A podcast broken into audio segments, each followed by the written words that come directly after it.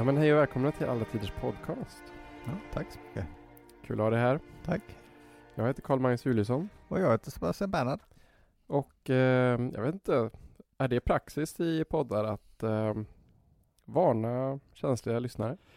Ehm, ja, om man ska prata om uh, något som kan uh, uppfattas som stötande, jag nu. Kan man uppfatta det som stötande?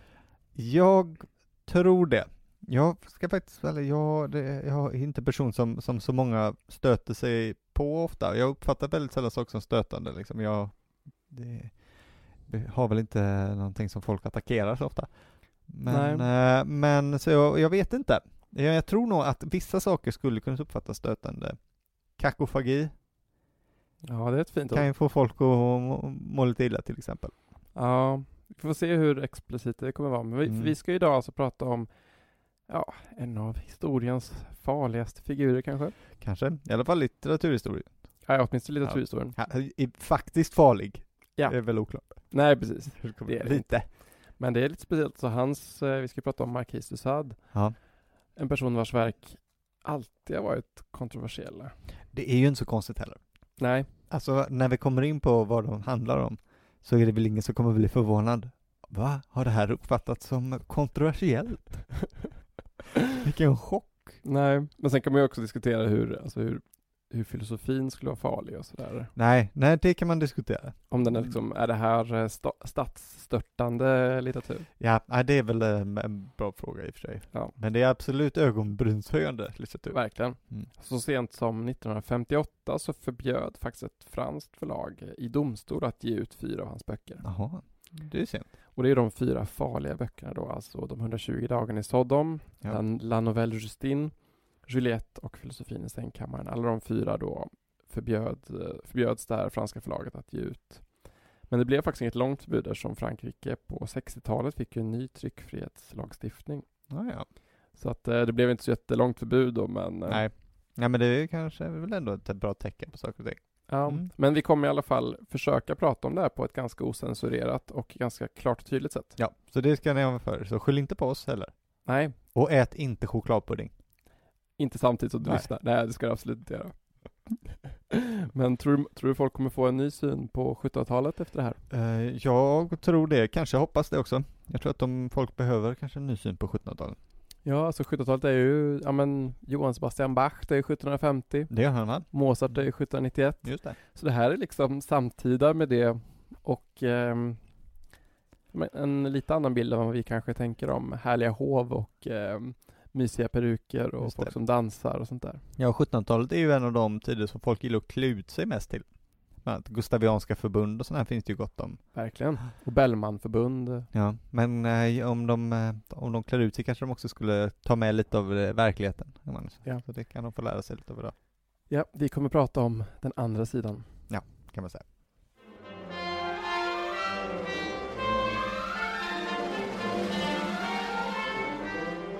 Men om vi börjar pang på då. Um, Donatien Alphonse François de Sade hette han då alltså. Eh, DAF kan man förkorta det. Duff. Här, här efter Duff. ja. Han brukar kallas markis. Men, Ja, men efter hans eh, pappas död så var han faktiskt greve. Okej. Men han använde den titeln väldigt sällan. Ja, markis låter ju coolare. Han, eh, han ville väl kanske distansera sig från sin far också. Ja, det är möjligt. Han föddes alltså 1740 i Condé-palatset som låg precis bredvid eh, Jardin de Luxembourg i Paris. Mm. Fancy, fancy. Mycket, mycket och eh, döptes i Saint-Sulpice-kyrkan. Och det här palatset var faktiskt ett av de finaste ställen man kunde vara på i Paris faktiskt. Palatset tillhörde prins eh, Ludvig av Condé, en uppburen militärbefälhavare. Hans sonson hade gift sig med en dotter till Ludvig den XIV. Ja, det är ju inte, det är inte oschwanky om man säger så. Och det här var liksom en av de främsta familjerna då i landet. Idag finns palatset knappt kvar. Alltså i det som var palatsets trädgård ligger idag eh, Odeonteatern, alltså i, Okej. sjätte, i sjätte arrondissemanget. Och man har dragit vägar och styckat om och byggt om en massa här liksom. Men det är ja, men precis vid Odeonteatern då, vid Jardin Luxembourg, det är där det låg då i alla fall. Eh, Sads mamma var hovdam här, släkt med kardinal Richelieu. Oj, det är fint. Mm. Pappan hade en diplomatisk karriär men skulle senare ha lite problem med sina skulder och sånt där. Men eh, Klassiskt 1700-tal känns som adelskretsar. precis, vi kommer till det sen. Familjen hade också en mängd slott och mark i södra Frankrike, i Provence och runt Avignon. Slott som Lacoste, Sauman och Masson. I vårt Petrarca-avsnitt pratade vi lite om ifall familjen de Sade var släkt med Petrarcas musa Laura. Historiskt sett är det lite svårt att bevisa, men familjen de Sade betvivlade aldrig då sanningshalten i detta. Nej, det kan man ju förstå om man har sådana finlitterära kopplingar. Verkligen. Och markisens farbror Abbé de Sade, han var vän med Voltaire och skrev faktiskt en biografi om Petrarca. Ja, ja. Men du ser, de tryckte på det alltså. Ja. Mm. Eh, Marquis de Sade var ensambarn, bortskämd och lite ilsken av sig. Han var lekkamrat till Louis Joseph av Bourbonfamiljen, Oj, men det är ju kungafamiljen ju. Prins av Condé. Ja, Mm. shit.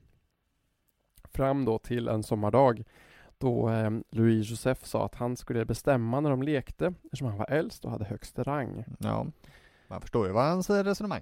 Mm. Då spöade Sade upp honom. Nej, ja, det var ju en dålig idé kanske. Sade beskrivs inte som särskilt stark utan som späd och lite feminin. Ja, Men han var ilsken och vild ja det kan räcka lång väg. och på grund av detta så fick han lämna palatset.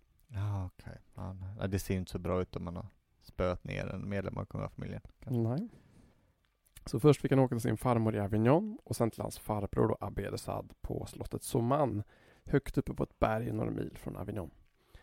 Abbén var lite en förebild för Sade faktiskt. En Okej. religiös man Mm. men som var lite världslig i sina intressen. Ja. Även han hamnade i en viss eh, skandal en gång. Ja. Under en razzia togs han på bar gärning med en sexuellt ombytlig dam, Ah, Madame Piron, Ja. och en prostituerad. okej. Han hölls då fängslad en liten stund men det påverkade inte honom så mycket i sin karriär och i sitt liv. Nej, det här känns som väldigt typiskt abbéer på 1700-talet. Ja. En annan känd abbé var ju Giacomo Casanova. Nej, visste han var abbé också. Ja, I alla fall till en början. Och därefter var det skola i Paris då för Marquis de Sade på Louis le Grand. Ja, det är en fin skola. Samma skola som Voltaire och Diderot hade gått. Oj, shit. Och sen, det har väl gått uh, kända människor därefter sen. Baudelaire. Baudelaire, har du ser. Mm. Och eh, Marquis de Sade gjorde väldigt väl ifrån sig. Okej. Enligt en biografi som jag har läst och så menar man, eller han menar då att man kan beskriva de Sade som en av Frankrikes mest belästa författare någonsin. Oj då. Mm, Det säger väl inte så lite va? Nej, verkligen inte. Ja. Det var också här han fick sitt stora intresse för teater. Ja, hade han det? Mer om det senare. Mm, kul. Därefter åkte han till militärakademin. Mm. Förutom lite ilska då så är det ju än så länge frid och fröjd. Det är det ju faktiskt. Ska vi lägga en eh, god backdrop här på hur det ser ut i eh, samhället i stort? Eh, ja, vi kommer gå in lite då på Marquis de Sade. Han har ju ett rykte om sig. Eh, det ska du få bre ut på ordentligt, kom Magnus sen. Eh, men kanske också att det råder lite tveksamheter om det. Eh, men det en sak det inte råder så mycket tveksamheter är att det finns en hel del rykten om personerna i toppskiktet under hans tid. Men det är bara rykten. Eh, ja, alltså det är lite väldigt svårt att få exakta fakta om vad, vad, de, vad de höll på med, faktiskt. Jag kommer här att säga mycket saker som fakta. Eh, Men får man eh, säga det här klassiska uttrycket ingen rök utan eld? Det kan man absolut säga här. Mm. Sen kan vi diskutera hur mycket eld det var men eh, Nej men jag kommer, jag kommer berätta lite, sen kommer också, för det är mycket saker som kanske är lite överdrifter snarare än eh, rena lögner. Och en del saker, är, en del riktigt eh, saker är ju också sant.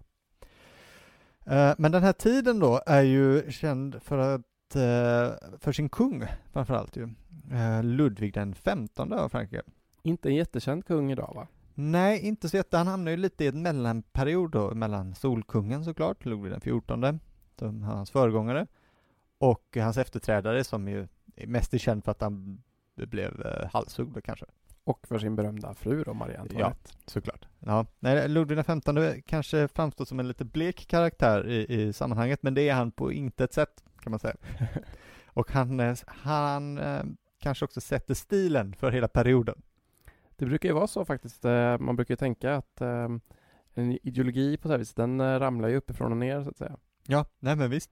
Det kan man tänka på att makthavarnas moral påverkar väldigt mycket ens- undersåtar. Ja, klart. Och framförallt en tid här är ju absolut, absolutism. Han är ju enväldig kung här, han som bestämmer, han som sätter stilen. En liten kul grej, det är ju faktiskt att um, i Hamlet så säger man there's something rotten in the state of Denmark. Just det.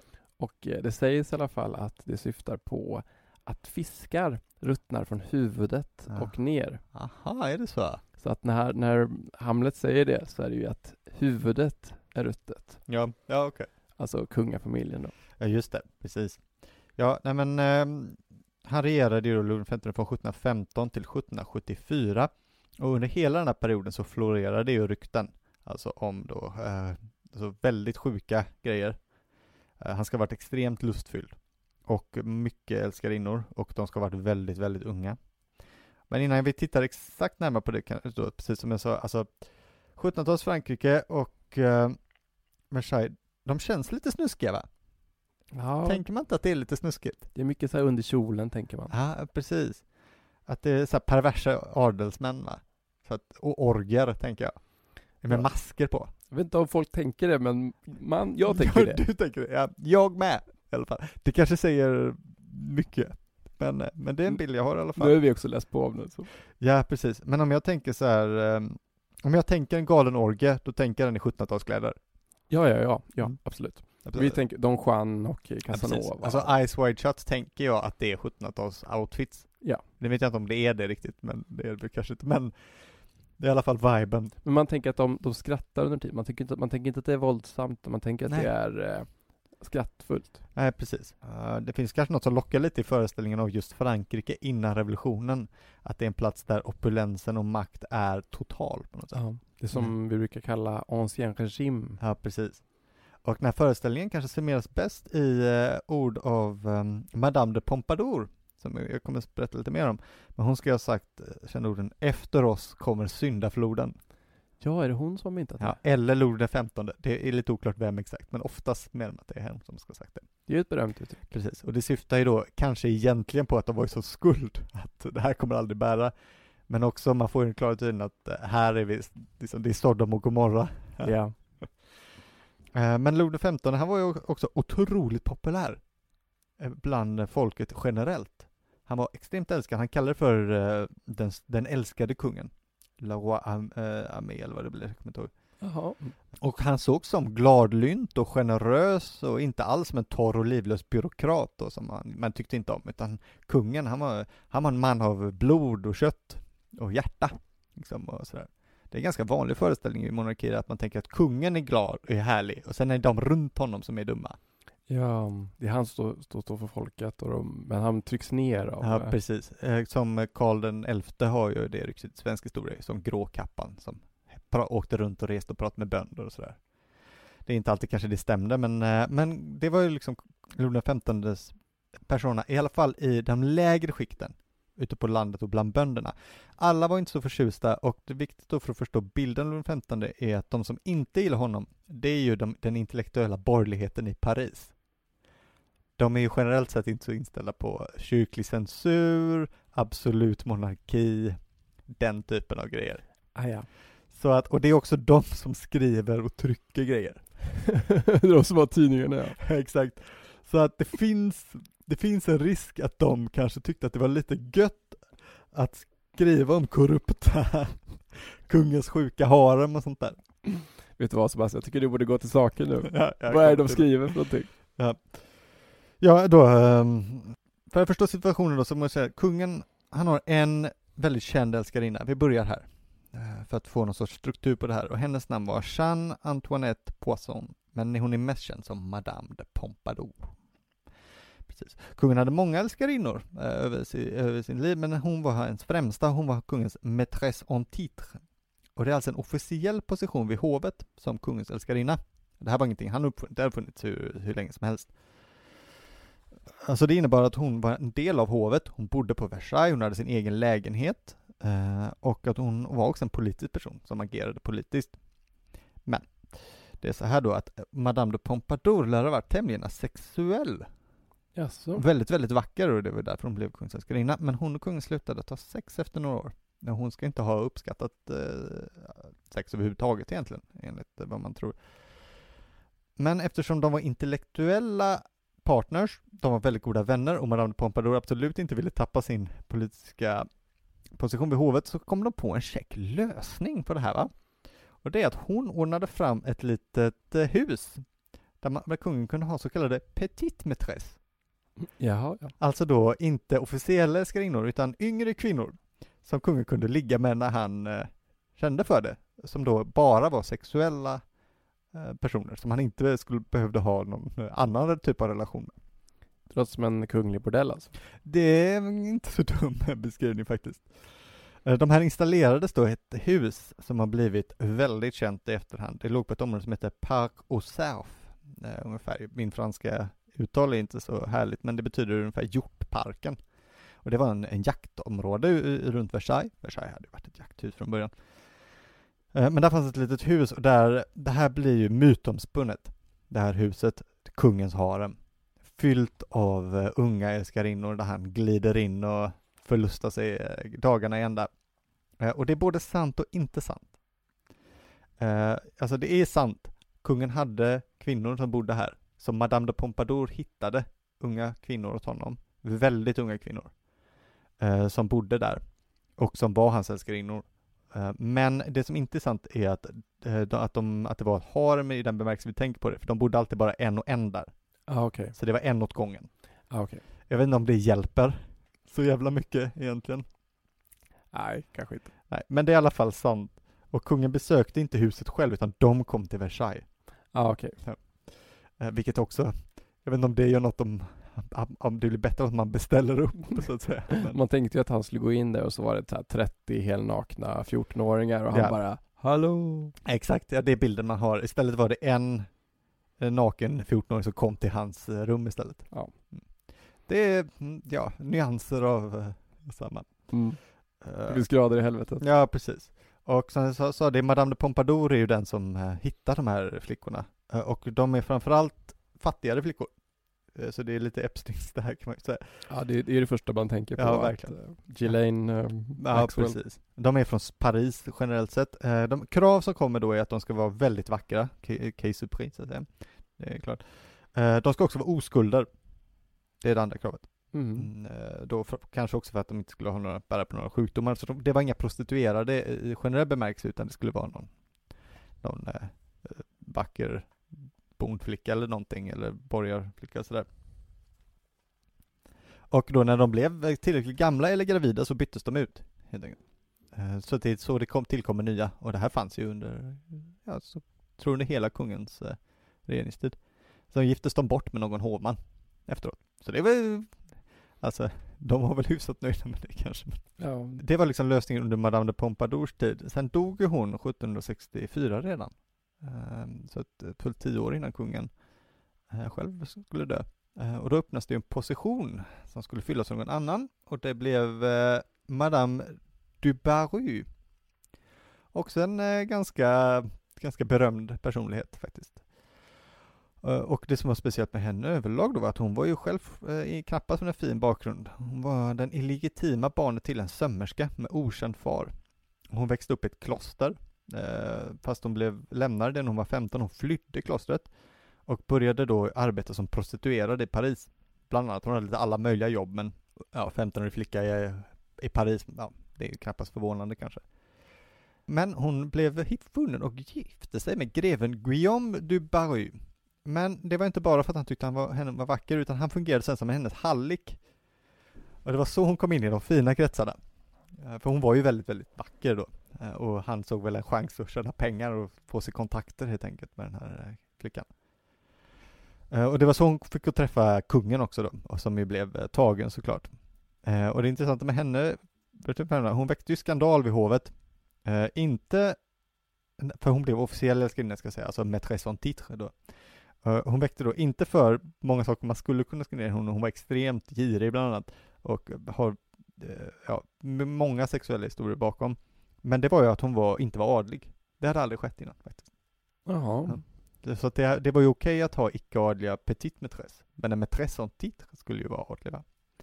Men framförallt är hon ju också känd för att hon lär piskat eh, sin eh, flickor väldigt mycket. Eh, unga tjänarinnor och sådär som hon eh, eh, tog upp på sina rum och piskade. Hon lär inte ha gjort något annat med dem, eh, så det var väl en ren sadism helt enkelt. Haha. Exakt. Hennes livshistoria är otroligt spännande, den är också väldigt konvolerad och väldigt lång, men det räcker med att säga att hon blev ju sen giljotinerad under skräckväldet. Oj. Ja, så får ni läsa på själva Shit. hur det kom till sig, men det är fascinerande. Men eh, hon, hon fortsätter ju det här, eh, den här hallickverksamheten sen själv då med, som eh, Pompadour hade startat. Jo, så Ludvig XV utnyttjade ju sin position och sina möjligheter att ligga med så många han ville och eh, när han ville. Den kändaste historien är kanske då systrarna Nessl. De var fyra systrar som samtliga blev kungens älskarinnor i tur och ordning. Men han ska också ha haft sex med tre av dem vid samma tillfälle. Och de finns, det sägs att det är de som avbildas på en känd målning av graserna. Eh, De här tre systrarna som eh, hänger på Versailles. Ja, ja, ja. Oj. Så det var systrarna Nessl som ja, kungen tog sig an. Det är väl knappast osäkert att historier om hur kungen höll på med minderåriga flickor lär väl ha kanske träffat en, hittat en person som de Sade kanske hörde en del om det här. Tror det. Ja, men eventuellt. eh, Eventuellt så kan ju det ha Man är ju bara ett barn av sin tid. Precis. Och om det nu inte var kungen då så är det möjligt att det var en annan person. Det kanske var ännu mer dekadent, nämligen Philippe den andra hertig av Orléans. Han eh, styrde ju Frankrike under Ludvig XVs första år, för då var Ludvig XV för liten. Han var ju bara ett litet plutt, ett barn. Eh, Så då var det Philippe som eh, styrde landet. Och ja, han var ju då känd för sina sexuella utförningar, också sin grymhet kan man ju lägga till där för lite mer desadskhet. Ludvig XV kanske, han, han hade ju en fäbless för unga flickor, men han var kanske inte våldsam på samma sätt som eh, Philippe, hertig av Orléans ska ha varit. Han ska ha varit mer en klassisk desadian, som gärna piskade och sånt där. Mm. Eh, Det mest ihöjda ryktet är ju att han, han hade ihop det med sin egen dotter eh, under ryggen på hennes man, då, så hon var ju gift med någon. Och det känns ju ganska snuskigt. Ja, lite. Det är lite snuskigt faktiskt. Um, Usch. Mm. enligt Philips egen mamma, som ju tyckte, som ju tyckte att allt hade gått fel med pojken, knappast för, förvånande kanske, så var det Venedigs fel. Ja. För han hade varit på en ungdomsresa i Venedig, och som jag sagt, som vi sagt innan, så var ju Venedig ett riktigt skurknäste. Shit. riktigt syndgrejer. Det var ju som, som jag sa då, eh, verkligen en prostit- prostitutions och spelstad. Och han ska ha insupit den här atmosfären och tagit eh, sina lärdomar. Haft ihop det med äldre kvinnor som ska ha lärt honom ett och annat om hur saker ska gå till. Ah, så där. Ja, ungefär som i uh, 50 shades of Grey jag. Mm. Också som hade- hur handlar med det här var att han höll på med svart magi tydligen. Och var en djävulsdyrkare. Eh, det, här, det här är kanske lite oklarare egentligen. Det, sådana här rykten brukar ju florera om människor. Ja, men också 1700- 1700-talet var också en tid där eh, gotiken Ja. spirade liksom och man eh, så mycket spökhistorier och just historier som var åt det här hållet ju. Nej, precis. Så det är väl oklart om han håller på att offra grejer och folk till djävulen och sådär. Det, det, bra- passar ju in i den allmänna bilden av honom i alla fall. Mm. Det gör det absolut. Det här tror jag i och för sig kan ha att göra med att han var väldigt religiöst tolerant och att det kanske ogillades av eh, liksom, konservativa röster som de menar att han höll på med, med liksom, eh, dyrkade djävulen i hemlighet. Eh, en, en rolig grej, en, av hans, en underhållning jag tyckte om var att eh, se en man och en kvinna som, jag fattar inte hur det här går till, Eh, det här var från den här boken, att de hade någon sorts gunga över en biskops rygg och sen satt de och pruttade medan de gungade på den. Okej. Ja, det här har garanterat hänt också, det här är inget rykte, utan det här var någonting, en, en, en, någonting som skedde på fester på Versailles. Så jag vet inte hur den här gungan, var det biskopen? Han kanske står på alla fyra liksom. Ja, men det gjorde han. Mm. Och så har de en gunga som går Och pruttade de på honom? Var pruttade han? Om det är en, om du tänker att det är en gunga som är som en, ett lakan liksom. Ja. Så har man väl rumpan utanför. Jo, så. jo, det är sant. Ja, jag så ja. Så tänker det. jag. Så tänker du, ja. ja. Men det är ganska roligt i alla fall. Väldigt förnedrande. Lite förnedrande. Ja, den här biskopen själv, eh, han heter väl de la Bois eller något sånt där. Han är också, ja, han var ju inte ens döpt när han blev biskop förut. Okej. Ja. Eh, den främsta skandalen kring Filip var ju att han var en giftmördare också. Alltså, jag tror jag nämnde i Lucretia Borgia-snittet att det är ju ännu värre för gift var ju en kvinnas eh, vapen. ja. Just det, så att en man möter ju någon i strid va, men en kvinna mördare är gift. Så att det blir, det hör ju till på idén om honom som en pervers person. Eh, idén om att han giftmördar. Eh, det är lite oklart, det som är klart är att det dog väldigt mycket människor, väldigt mystiskt, som banade hans väg till toppen hela tiden. Så Se där. Så att det kan man ju spekulera i hur man vill. Och han var ju uppenbarligen en person utan större skrupler. perioden då Filip härskade kanske är lite av en kandidat till inspiration till eh, 120 dagar i Sodom. Finns nog ett och annat där. Finns ett annat? Pruttarna kanske kan eh, tillföra. Ja, vem vet. Ja, men det är ju så här då, innan vi går vidare här, The Suds roman innehåller ju inte bara galna sexscener, utan även en hel del våld va? Det gör det ju verkligen. Ja, alltså våldet kanske är faktiskt också på främsta plats på många sätt. Så att, eh, för det är ju ändå sadism som har fått sitt namn efter markisen. Ja. Så att eh, det kanske är värt att säga någonting om eh, var, hur våldsamt var 1700-talet. Nu vi vet att det är framförallt att de snuskade runt det på hoven. Eh, och man behöver ju inte kolla längre då än uh, rättssystemet för tiden för att hitta god inspiration för våld, för sjuka uh, handlingar. Men återigen, jag vill alltid säga något först och då, då vill jag säga det här att jag vill påminna om att dåtidens människor fick väldigt mycket stryk i sina liv. Att det kan vara en del att komma ihåg, att i princip hela uppfostringsmodellen gick ut på att slå barn. Ja. Män och herrar förväntades också sopa till sina fruar det fanns restriktioner på det, så man fick inte gå hur långt man ville. Tjänstefolk däremot, då kunde du gå ganska långt alltså. Eh, det var standard att piska sin personal om de betedde sig illa, eller om man bara fick lust.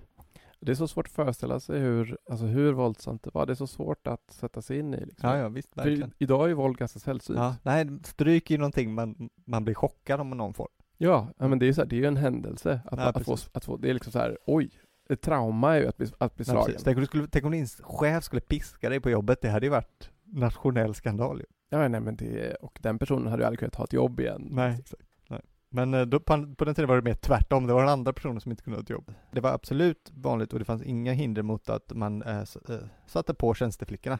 Det var också standard. Och blev de gravida så, så sparkar man dem för att det kan man inte ha liksom. Mm.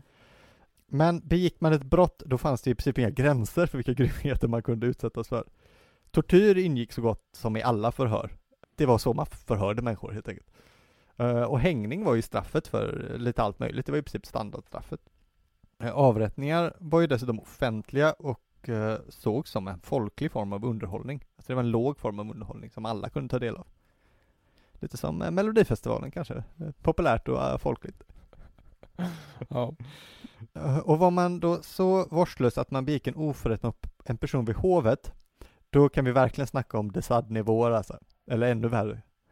Um, en viss eh, Jeanne de la Motte, hon hade till exempel gjort drottningen av Frankrike, Marie Lesinska, arg. När hon gjorde det här, hör och häpna nu på hur grym hon var. Hon köpte ett eh, värdefullt halsband och använde då drottningens namn för att få den kontakten och sen hade hon det på sig. Nej. Helt galet. Det här sågs som en skymf då mot, kung, mot drottningen och kungafamiljen. Så hon straffades då, då blev det så att sex män fick hålla ner henne medan hon brännmärktes som ett, eh, som ett djur med ett V för volös, alltså tjuv, inför en eh, jublande folkmassa på ett torg i Paris. För det fruktansvärda brottet. Uh, och sen den mest kända avrättningen under den här tiden var en person som hette Robert François Damien. Och det han hade gjort, det var ju, han hade ju begått ett, eh, ett brott på ett annat nivå i och för sig.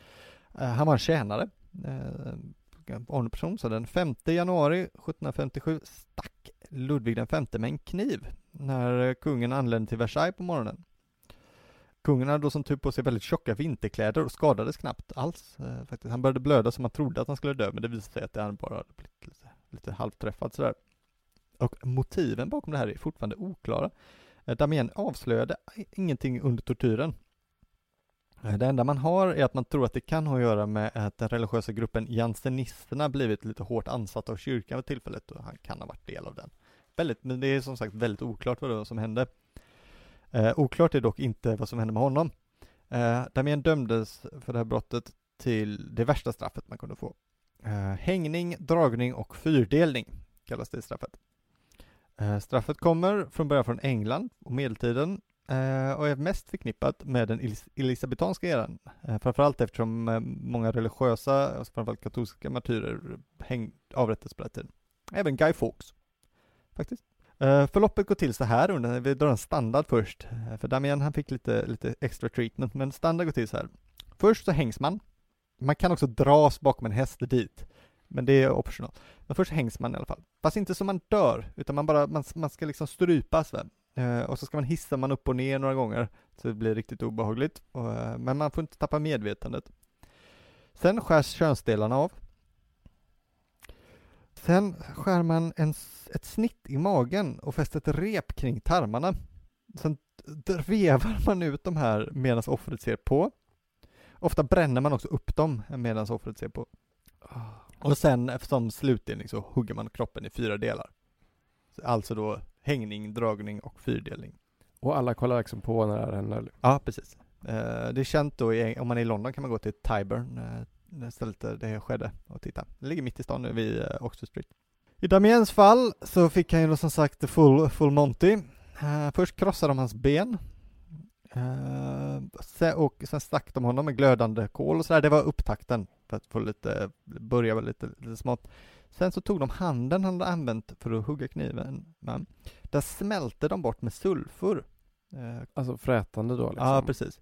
Så han frätte bort den helt enkelt. Och sen då så hällde de kokande olja först i såret, sen lite salt och sen vax i såret. Och det var också för att stänga till så han inte skulle dö för snabbt liksom.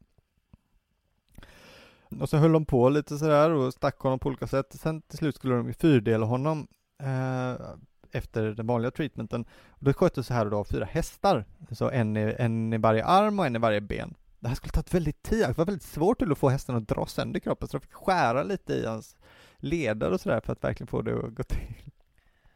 Du ser ut att njuta. Fan vad sjukt alltså. Ja. Och sen, men sen gick det. Enligt vittnen då så levde fortfarande Torson efter det här hade skett och då kastade de det på en bål och brände upp den. Fy helvete alltså. Ja. Och det här var ju en av de största folkfesterna i Paris under hela mitten av 1700-talet. Det lockade hur mycket människor som helst. Eh, och det finns en hel del ögonvittnesskildringar. Eh, den, den mest spännande tycker jag är från eh, tidigare nämnda Giacomo Casanova, som har skrivit väldigt långa självbiografiska texter och han höll sig vid franska hovet vid tillfället. Han är, väl, han är faktiskt väldigt negativ till det här, så han ger ett ganska sympatiskt intryck av sig själv i just det här läget. Sen låg han också med en dotter och lite sånt där, så att man ska inte tänka att han var helt igenom eh, snäll. Men, men han tyckte då att skriken och lukten äcklade honom. Ja. Det luktade ju fruktansvärt, framförallt när de höll på att fräta händerna och sådär. Men det som chockade dem allra mest var att se hur publiken jublade och hur adelsmännen omkring njöt och, och log och tisslade och skvallrade om det här. Tyckte han var riktigt, att det äcklade honom. Mm. Hur de kunde tycka att det var så härligt. Och man kan ju se, man ser det framför sig i de här pudrade perukerna som står där och tittar på medan någon eh, får sina tarmar utdragna. Fan. Så kanske framstår våldet i Desade inte som så apart. Om man tänker att det här är den främsta formen av underhållning eh, under tiden. Kommer ju inte från ingenstans i alla fall. Nej, precis.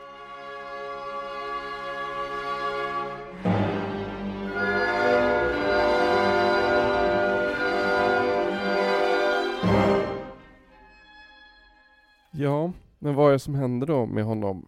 Jo, det är framförallt tre skandaler som ligger till grund för hans eh, rykte och hur det kommer sig att han fick spendera alla år i fängelse som han fick. Mm, Allt sker ju successivt. just det. Den första skandalen rörde en kvinna som hette Jeanne Testar. Hon var solfjädermakare och extraknäktet som prostituerad på kvällarna. Mm.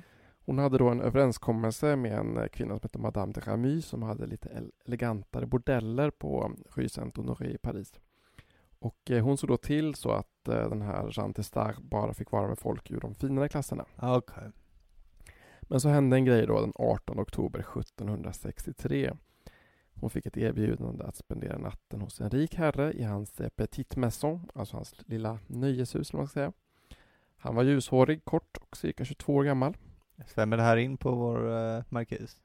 Ja, det gör det eventuellt. Ja, se. Hon körde då ut till eh, Saint-Marceau, alltså söder om Jardin de Luxembourg där han bodde.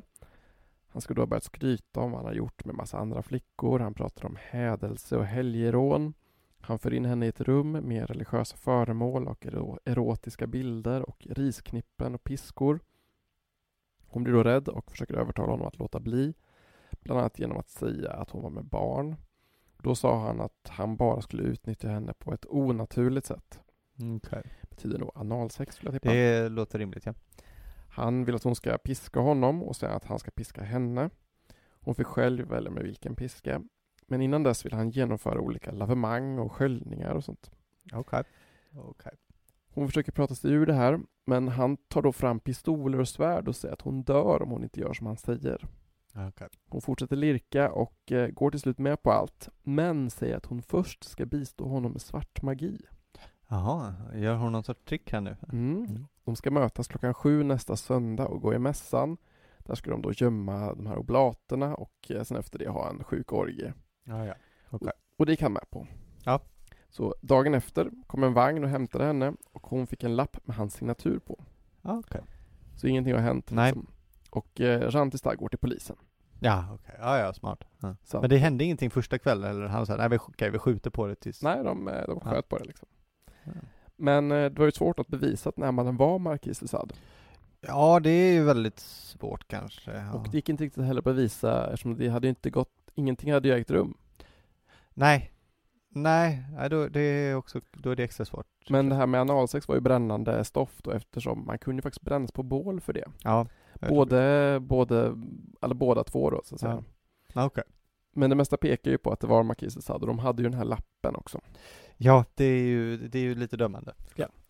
Så, men de häktade honom i alla fall och alla detaljer gavs till kungen. Mhm. När det handlade om adelsmän på den här tiden så kunde kungen själv välja att ta hand om fallet, alltså istället för en domstol då. Ah, ja. Och eh, Ludvig XV tog det här med yttersta stränghet ja, det förstår man. Och satte honom på Chateau de Vincennes då, alltså det, det är ett fängelse som är en ändstation idag faktiskt om man åker tunnelbana. Okej. Utan rättegång eller någon dom. Nej.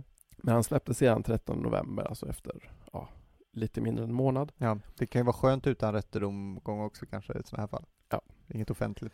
Men alla som läste om den här nyheten fick ju sig en liten chock. Jo, det är klart. Och Marquis de Sade var ju dessutom gift sedan sex månader tillbaka. Ah, det var ju inte så bra då. Nej, men om man ska gå in på eh, det här ämnet då så när det kommer till sex och kärlek så är Sa- Saad ganska uppdelad. Okej. Han hade relationer där han betalade kvinnor då för att leva ut vissa saker, Ja. särskilt att piska dem. Och de var prostituerade. Mm. Parallellt så hade han klassiska romantiska förhållanden och älskarinnor som han inte gjorde något speciellt märkligt med. Jaha, okej. Eftersom pappan hade lite svårigheter med skulder var det väldigt viktigt att han gifte sig rikt. Jo, det förstår man. Så det gjorde han med en som hette René Pelagie Montreuil. Men han behöll sin förälskarinna. Ja, Ja. Det var ju ganska vanligt också. Det var ju inte så noga monogami på den här tiden. Nej. Men de tyckte om varandra och eh, familjen Montreuil var väldigt tacksamma att gifta sig med familjen de Sade och som hade kopplingar till högadel och till och med kungligheterna. Jo, det är inte, det är klart. Och de fick tre barn tillsammans. Ja. Så när den här skandalen kom upp så tänkte de lite pojkar är pojkar. Ja. Och det var ju heller inte så farligt. Nej, det hade ju inte hänt eh, någonting Nej. än sådär. Och det var ju man kan, man, de, sa- men de kunde väl säkert säga det där är lösa rykten. Ja, men en blandning av det men också som vi pratade om att ja, sjukare saker hände ju så att säga. Ja, ja, nej visst absolut. Och det här kanske inte var så extremt eh, ovanligt heller. Nej, det fanns, alltså eh, de, de eh, adelsmän för tillfället i Frankrike som inte hade någon kontakt med prostituerade eller något sånt där, de gick nog att räkna på en halv hand. Ja, det tror jag också. Men Osad uttryckte också en stor ånger. Ja, ja men då, Ja. du ser. Men ja, han, eh, han skulle ju fortsätta ändå så att säga. Jo, jo, man kan ju alltid säga en sak. Han hyrde flera sådana här hus, alltså Petit Maison, lite här och var i Paris och Versailles där han spenderade nätterna med olika flickor. Mycket skådespelare och balettdansöser som han hade mer traditionella förhållanden med. Och parallellt då träffade han prostituerade som han piskade. Det var Ja. ingen som anmälde eller klagade eller så, men eh, han kunde inte längre gå till de eleganta bordellerna utan fick använda då fattigare arbetarkvinnor. Ja, okej. Ja, jag förstår. Men till slut blir skandal igen då. Norr om Louvren och Palais Royal ligger ett ställe som heter Place de Victoire där det finns en stor ryttarstaty av Ludvig XIV. Mhm. Så den 3 april 1768 på påskdagen, det har gått ungefär fem år då sedan förra gången, Ja, då såg Sade en kvinna som heter Rose Keller som var där och tiggde. Okej. Hon var änka efter en bagare och var bomullsspinnerska men hade inget arbete. Hon kom från Strasbourg och hade Ja. en stark brytning. Då. Ja, okej. Sad såg då någon ge henne pengar och gick fram till henne och frågade om hon ville tjäna lite pengar i ett så kallat parti de libertinage. Ja, det låter som en eufemism med lite duga. Alltså ett, vad ska man säga, ett parti av libertin. Ett frisinnat uh, möte. Ja, borta på ett ställe som heter Ar- Arcueil. Ja. Och enligt henne ska hon ha sagt nej. Nej. Han ska då ha erbjudit henne en anställning som kammarjungfru istället, Okej. vilket hon gick med på. Ja. Det här kan man diskutera sen. Ja, Men enligt Saad då ska han ha erbjudit henne pengar för sexuella tjänster och hon ska ha sagt ja. Ja, okej. Ehm, sen berättar hon då att väl i Arköy så ska han ha lett in henne i en garderob och sagt åt henne att klä av sig. Hon frågar då varför enligt henne. Han skulle ha sagt att för att han ska roa sig med henne. Mm. De eh, bråkar och han säger att hon får välja mellan att göra som han säger eller att han ska döda henne och begrava henne i trädgården. Ja. Därefter ska han ha dragit ett tyg över hennes huvud, bundit henne med hamparep och sen piskat henne med ett björkspö. Just. Enligt henne ska han sedan ha bytt ut eh, det här björkspöet till en käpp, skurit henne i skinkorna med en kniv och sen hällt smält vax i såren. Just det. Det, det här ju, känns ju väldigt eh, sadistiskt. Ja. kan man säga. Han låser sedan in henne och säger att han ska släppa henne på kvällen. Men hon gjorde då ett rep av lakan och klättrade ut, Okej. klättrade över muren och sprang därifrån. Och efter sig hade hon Sads tjänare som ropade att hon inte hade fått sina pengar ännu. Nej. Jag har ju sagt några gånger nu enligt henne.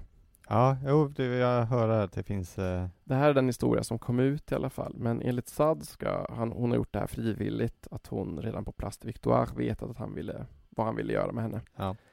Han hade heller inte använt ett björkspö utan en knutpiska och hon ska ha lagt sig ner av fri vilja. Han hade heller inte använt någon kniv men han hade smörjt in henne med eh, salva på de ställen där han piskat henne. Okej. Ingen het vax. Nej, okej. Japp, så det är ord mot ord här. Eh, de gjorde en undersökning. Hennes kläder var inte blodiga. Det fanns märken efter piskning och ett ämne som hade kunnat vara vit vax men inte det här röda vaxet som hon menade. Ja, okej. Hon hade inte blivit knivskuren och det fanns inga märken att hon skulle ha bundits runt handlederna. Men skandalen var ändå ett faktum och eh, Rose Keller hade dock inga problem med att ta tillbaka sin redogörelse men det skulle kosta. Ja, okej. Så till slut fick hon då 2400 pund vilket var mer än hon hade kunnat tjäna på flera år. Ja, jag förstår. Så att, eh, ja, man kan diskutera vad som hände och det är väl ingen som vet exakt vad som hände men eh, det är ju två, två olika bud i alla fall. Ja, det är det verkligen. Men trots det här så fanns det fortfarande en arresteringsorder mot honom. Han tänkte då att han, han överlämnar väl sig och får det hela ur världen eftersom Ah, ja. det är ju löst nu. Han har ju ändå betalat henne och, Ja, då och sådär. Hon har ju tagit tillbaka allting. Ja, precis. Då tänker han att det är fritt fram. Han arresteras och förs till slottet Saumur och sedan till Pierre Onsis som är då ett eh, fängelse i Lyon. Han själv ångrade ju inget förutom att han tillfångatagits och bestraffats. Nej. Han hade ju bara piskat henne, vilket ju var helt vanligt på den här tiden då. Ja, precis. Men ryktena spreds och blev bara värre och värre. Det blev också domstol och han berättade att han använt en salva med vitvax i och att han hade piskat henne ja, fyra, fem gånger. Okej. Han dömdes till böter på 10 pund. Men en, två dagar senare förs han då till eh, Pierre Onsis då, igen, som kungens fånge. Jaha. För det fanns på den här tiden ett system som heter lettre de cachet som gjorde att kungen kunde fånga och arrestera vem han ville utan domstol. Ja, härligt. Han använde det ibland för att få bort politiska motståndare eller för att ge tjänster till högt uppsatta familjer som ville bli av med en strulig familjemedlem. Jaha. Och troligtvis var, var det hans frus familj, alltså de Sads fa- frus familj, Montreuil, som låg bakom det här. Ja, han har blivit lite strulig nu. Ja, nu, eh, nu var det inte kul längre. Nej. Och Sad stannar då inspärrad på Pierre Roncis i fem månader. Och eh, ja, man kan, man kan väl kanske säga att han hade lite otur liksom. Alltså, han, hans beteende var ju inte helt ovanligt, men han blev lite som en syndabock för en dekadent aristokrati och de här, det skrevs väldigt mycket om de här sakerna liksom Ja, jag förstår. under hans tid. Det är ju snaskigt också. Verkligen. Han kom i alla fall ut och eh, slog sig ner på sitt slott och Lacoste. Han var fortfarande generallöjtnant och hoppades komma tillbaka till armén. Han var en ambitiös person men som tyvärr levde under en fredsperiod så han kunde inte göra så mycket. Nej, det är tråkigt om man är, vill göra militärkarriär. Och under den här tiden satte han istället upp mycket teaterpjäser på sitt slott. Okej. Både andras och sina egna. Ja, så där. Tillsammans med sin fru och hennes syster och han började även ha en affär då med sin frus syster. Som, som ändrar. Inga problem. Nej. Det, det, det gav inga problem faktiskt. Nej, det gjorde inte det. så han, eh, dubbelt så kul. Sådär. Men så i juni 1772 så händer en grej igen. Ah, okej. Det, har- det har gått några år nu igen. Ja, nej. Alltså Marcus. Marcus. Ta och lugna dig. Han åker till Marseille för att bjuda ett teatersällskap på supé Det är alltid Marseille alltså. och ville passa på att roa sig. Hans betjänt Latour ordnar så att två prostituerade, eh, Marianne Laverne och Marianne Logier, kommer till ytterligare en kvinnas lägenhet. Hon hette Mariette Borelli. Där finns också ytterligare en kvinna, Roskost. Så det är alltså Sad, hans betjänt och fyra kvinnor. Den yngsta är väl 20 typ. Ja. Sad tar med sig den ena in på sitt rum. Hon får där ligga med hans betjänt Latour.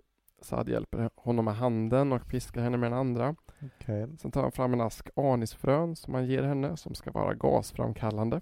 Jaha, mm. okej. Och nu vill han se antingen Latour eller honom själv ha analsex med henne. Ja. Enligt vittnesmål ska hon ha sagt nej. Pisk är lugnt men analsex är fortfarande förbjudet. Ja, just det. Hon ska sedan piska honom med en kvast, men börjar klaga på magsmärtor.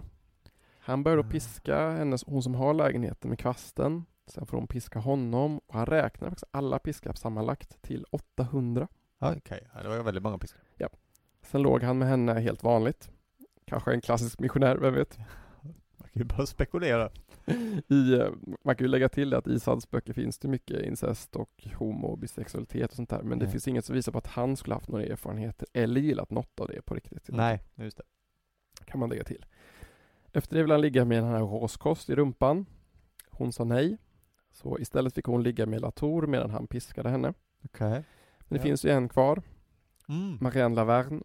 Och eh, han tog då fram en piska. Hon blev rädd och, eh, och så får han alla att äta mer av de här anisfröna. Ja. Men eh, det verkar som att han i alla fall hade analsex med henne till slut, Okej. Ja, ja. tror Det man. var ju förbjudet ja. Därefter betalar han dem och de bestämmer sig för att ses igen samma kväll. Okej. Men sen ångrar de sig. Ja, det kan man tänka sig. Då hittar Latour en ny tjej och Saad ger också henne fast de här anisfröna. Ja. De skulle, som gör att man pruttar, det var det du sa? Ja, de skulle vara gasframkallande liksom, alltså kanske laxerande. Ja, Så. okej. Mm. Som att man äter för mycket katrinplommon. Just det. Han vill leka med hennes enda. Men sen visade det sig att eh, Marianne Laverns magplågor har blivit värre. Mhm. Hon har kräkts blod och svart galla.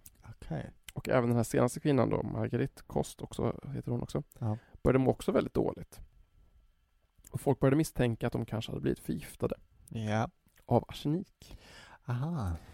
Och Saad eh, anklagas då för förgiftning, uppmaning till analsex Ja. och för analsex. Ja, det var ju inte så förvånande just kanske. Och ryktena kom igång med då olika skräckscenarior med olika orgier och gift och eh, ja, vem vet vad. Ni kan ju tänka sig hur bilden målas upp av det här. Ja, absolut, ja, min bild bollas upp. Ja, förutom det som då var så att säga. precis. Vissa trodde att Marquis Saad försökt göra ett afrodisiakum som heter spansk fluga som skapade upphetsning och, eller irritation vid de erogena zonerna. Aha, okej. Som var väldigt vanligt vid hovet. Mhm. I små doser gick det bra men tog man för mycket blev det som ett gift, alltså likt arsenik. Så kanske han bara klantade sig i själva doseringen. Ja, så kan det göra. Men eh, hon eh, Marianne Logier då, hon har däremot klarat sig fin, fint för att hon hade kastat ut sina frön genom fönstret. Mm. Det var ju smart. Där de också hittades då och kunde analyseras. Aha. Och sen visade det sig att alla tillfrisknade faktiskt till slut. Ja, ja. Det var ju skönt. I fröna och i uppstötningarna så hittades ingen arsenik eller någon frätande substans. Men arresteringsorden var ju fortfarande kvar. Ja. Och den här gången var han ju hotad med dödsstraff. Det var han ja, just det. Men eh, Sads fru gick då till de här två flickorna i Marseille och övertalade dem att ta tillbaka sina anklagelser, vilket de gjorde. Men domarna struntade i det. Jaha. Och Sad dömdes för förgiftning och både han och Latour för analsex. Okej. Sad dömdes till halshuggning och Latour till att strypas eftersom han var i lägre rang. Ja. Och efter det skulle de brännas. Just det. Problemet var att domen gjordes i deras frånvaro. Jaha, ja det kan ju vara ett problem om man vill gripa någon. Ja. Men istället för att skjuta upp avrättningen så halshögg de en avbildning av Sad och ströp en halmdocka som skulle se ut som Latour. Ja, det känns ju lite som jag faktiskt säga. Och eh, Saad hade dragit till i närheten av Nice då, som på den här tiden tillhörde kungariket Sardinien. Ja. Ja, ja, så han var, han var ute ur leken ett tag. Han var nu 32 år och nu började hans svärmor bli riktigt, riktigt trött på honom. Jo, det, det är ju inte så förvånande kanske. Och hur han drog liksom vanära över familjen. Han drog ju knappast ära över familjen, eller? Nej, det får man inte säga. Och eh, ja, vi har ju pratat om det förut, men tidningarna på den här tiden eh, gillade ju att skriva grejer. Jo, jo, absolut. Ja, absolut. Och det här var ju då eh, liksom en prakthistoria om en dekadent aristokrati. Ja, exakt. Så att det var ju guld. Men hans svärmor då, hon pratade då med Ludvig den XVs utrikesminister som pratade med Sardiniens Parisambassadör Okej. och de gick tillsammans och tog honom. Ja, ja. Så, Han stängdes in på fästningen Meulan utanför Val d'Isère. Ja, är det här fjärde gången, tredje gången han är i fängelse? Men han lyckas efter ett tag fly med hjälp av sin fru. Jaha. Så. Tur att hon fortfarande var där, var på plats. Alltså hans, hans biografi är helt sjuk alltså. Ja. Han höll sig då gömd och arbetade för att få domen mot sig då omprövad för han tyckte det här var lite orättvist. Och efter sex år så blir den underkänd. Ja, Okej. Man kommer fram till att kvinnorna faktiskt hade intagit någon form av medicin som de köpt av en kvacksalvare på stan. Ja, ja. Det kan hända det med. Så de här anisfröna var ofarliga. Ja, jag ser det. Så han behövde inte längre frukta staten. Nej. Men han behövde fortfarande frukta sin familj. Ja. Så 1773 så undertecknas en order att Sade ska placeras på Pierre Ancis igen på grund av hans svärmor. Mm. Men det var heller inte exakt bara det här. Det finns en historia som inte är så väl underbyggd som de här andra. Om att en flicka i 15-årsåldern ska ha flytt och hamnat hos hans farbror och berättat om vad hon har varit med om på Sads slott då under de här vintermånaderna. Det har ju gått lite tid mellan de här scenerna här. Ja, okej. Och eh, samma sak som med många andra flickor. Och de hade också spår av det på sig. Okej. Så det började koka lite i den här byn då där, alltså Lacoste då, där hans slott bodde. Ja. Så att eh, Saad gör väl det som man gör i en sån här situation och eh, flyr. Ja, han gittar. Och åker bland annat till Italien. Ja, det är det man gör va? Ja, lite roligt är att han faktiskt ska ha bestörts av de sexuella beteenden som han såg på teatern i Florens och det sexuella förfallet där. Ja, så det gjorde han. Ja, och då kan man undra vad det var. Ja, Faktiskt. där var det riktigt illa. Där var det riktigt illa. Om ni trodde det här var illa, så ska Ja. ni bara veta vad som hände i Florens. Men till slut i alla fall så antyder då hans svärmor Montreuil då att hon ska försöka upphäva dödsdomen mot honom. Ja, okej. För han kunde inte få några inkomster så länge han var dömd. Nej, nej. Han åker till Paris och de säger att hans mamma är sjuk, liksom, fast hon redan var död. Ja. Men han åker dit och han tas av Ja. ett sånt här lettre de cachet igen. Ja. Den här gången undertecknat av Ludvig den XVI. Ja, nu har vi bytt kung. ja. Han förs till eh, Vincennes igen då. Och eh, häktningsorden och dödsdomen upphävs till slut. Ja, igen. Det är många turer alltså. Ja. Och det var ju det som var det viktiga för familjens heder, att det inte Just fanns det. någon, det ska inte finnas någon dom mot honom. Nej, och då kan de också få inkomsterna. Precis. Ja. Men Saad släpps inte fri. Nähä. Han har gått i fällan. Han har gått i fällan. Så här får han nu sitta. Ja. Och, eh, och det gör han. Och efter sex och ett halvt år så flyttas han till Bastiljen. Ja. Han får ju lite böcker han får ju skriva och sånt där. Men, men nu kommer den första långa fängelsevistelsen. Ja. Ja, det är ju långt det alltså. Ja.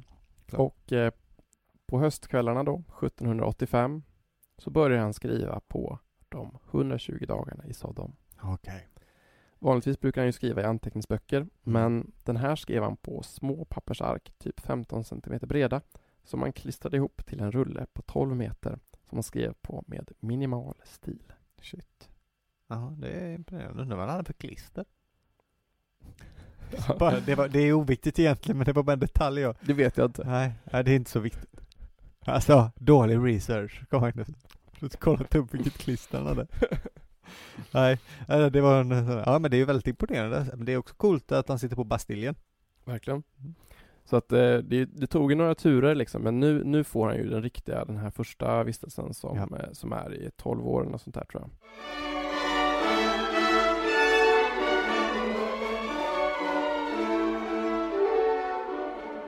Japp, ska vi gå in på den här boken då? Den första av de förbjudna Ja, nu böckerna. är vi där. Sodoms 120 dagar. eller? Ja, Det är ju, ja det tycker jag. så nu, eh, nu har vi kommit till Äntligen kommer vi till själva stoffet där. Det har varit lite segt nu. Det, vi har utlovat snusk, men det har, det, det har inte varit så farligt. Nej, nej det har det inte. Nej. Ja, men 120 dagar i Sodom då utspelar sig under fem månader, någonstans runt 1715, alltså Mm. när Ludvig den 14 dör ungefär. Ja, alltså när Filip, eh, hertigen av Orléans, är, är vid makten. Ja, precis. I ett medeltida slott i Frankrike. Det här är då inspirerat av faktiskt hans egna ägor runt Avignon. Jaha.